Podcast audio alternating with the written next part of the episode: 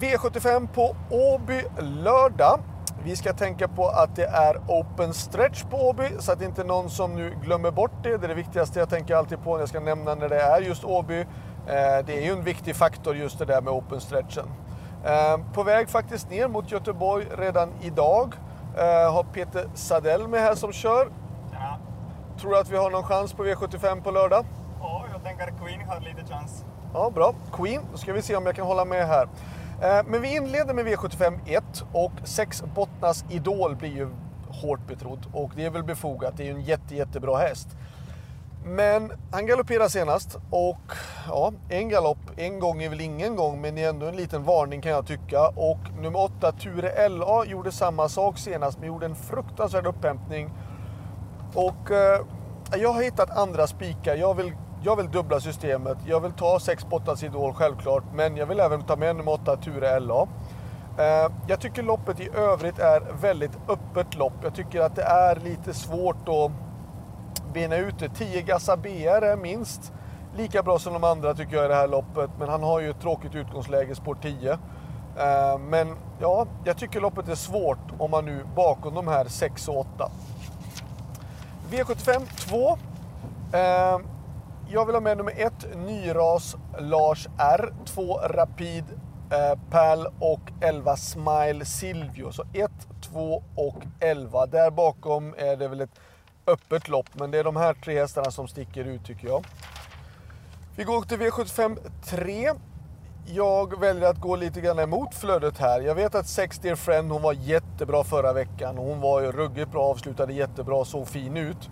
Eh, men den gången var det 1600 meter bil, den här gången är det 2.1. Och jag har istället valt att gå totalt mot strömmen. Jag kommer spika nummer 7 Cicero TG på det här systemet. Cicero TG är en ruskigt bra häst som varit ute och mött väldigt bra hästar förra året. Han fick då bland annat stryka Stoller Show, San Motör, Honey Miras, många bra hästar. Ehm, var ute i tuffa gäng hela tiden, är Alltså Geir Vega Gundersens hästar är alltid väldigt, väldigt väl förberedda inför årsdebuterna. Eh, hästen har varit inne och gått banjobb. Den var också väldigt bra förra året vid exakt samma tidpunkt när den då fick stryk av San Motör eh, på Åby. Eh, jag tror faktiskt att Cicero Tege kanske till och med kan vara en Elitloppskandidat från Norge. Eh, Så för mig blir det faktiskt spik på 7 i avdelning 3. Värst emot är då 3 Beer Time, 5 Rackham och 6 Dear Friend. V75 4. Eh, det här loppet är det svåraste och dyraste loppet. Jag vill ha med många hästar i det här loppet. Jag vill ha med 1 Woodbury Wine, 2 A Perfect Trick, 3 Mission Beach, 5 Nina Ginto, 10 Classy Knox och 11 Readley's Dream. Så 1, 2, 3, 5, 10 och 11. Har ni råd med någon mer? Då är det sex Green Mamba som ska nästa häst in på eh, systemet. 12 Nymke Brigadon, Sport 12 på 600 meter bil. Eh, hon står hårt inne, det, det blir svårt därifrån. V75 5. Eh, spik på 1 Kentucky River. Eh, ruskigt duktig häst som har varit ut, fick stryk flera gånger utav Francesco Zet. Det är inte så mycket att säga om det. Kommer ut och årsdebuterar. Per Nordström har alltid sina hästar också väldigt väl förberedda inför årsdebuterna. Eh, han känns lite nästan som att han går ner i klass den här gången. Med att möta eh, Francesco Zet mot att gå ut i silverdivisionen. Det är ändå eh, en helt annorlunda motstånd. Så visst, spår 1 kan ju vara en fara eller fälla, men det finns ju open stretch, det finns alla möjligheter. Jag tycker att ett Kentucky River är den bästa spiken i hela omgången. Eh, åtta Shapes känns fin, men han har stått över lite grann, blivit lite rund och god om magen och har fått ett fel utgångsläge och kommer fortsätta gå med skor den här gången. Så att jag ligger lågt på hans chanser just tack vare den anledningen. Annars så, visst, han är en häst som kan vinna V75, men det krävs en hel del tur om vi ska kunna vinna från just spår 8. V75 6 då, då kommer ju Queen ut och eh, jag är beredd att hålla med. Queen är den bästa chansen för mig i den här V75-omgången. Och hon känns fin, hon har jobbat bra. Ehm, hon står perfekt in i loppet, hon ska gå barfota runt om med tanken. Hon har ett bra utgångsläge, spår 3. Ehm, och jag tycker att hon ska sträckas. Jag ser i lite olika tips att hon har rankats ner. Jag tycker att hon gjorde en bra tid. Hon gjorde till exempel där den eh, 4 februari gick hon ju 14 full väg, voltstart, låg 14-tid. Och det är inte många av de andra som har gjort det ändå.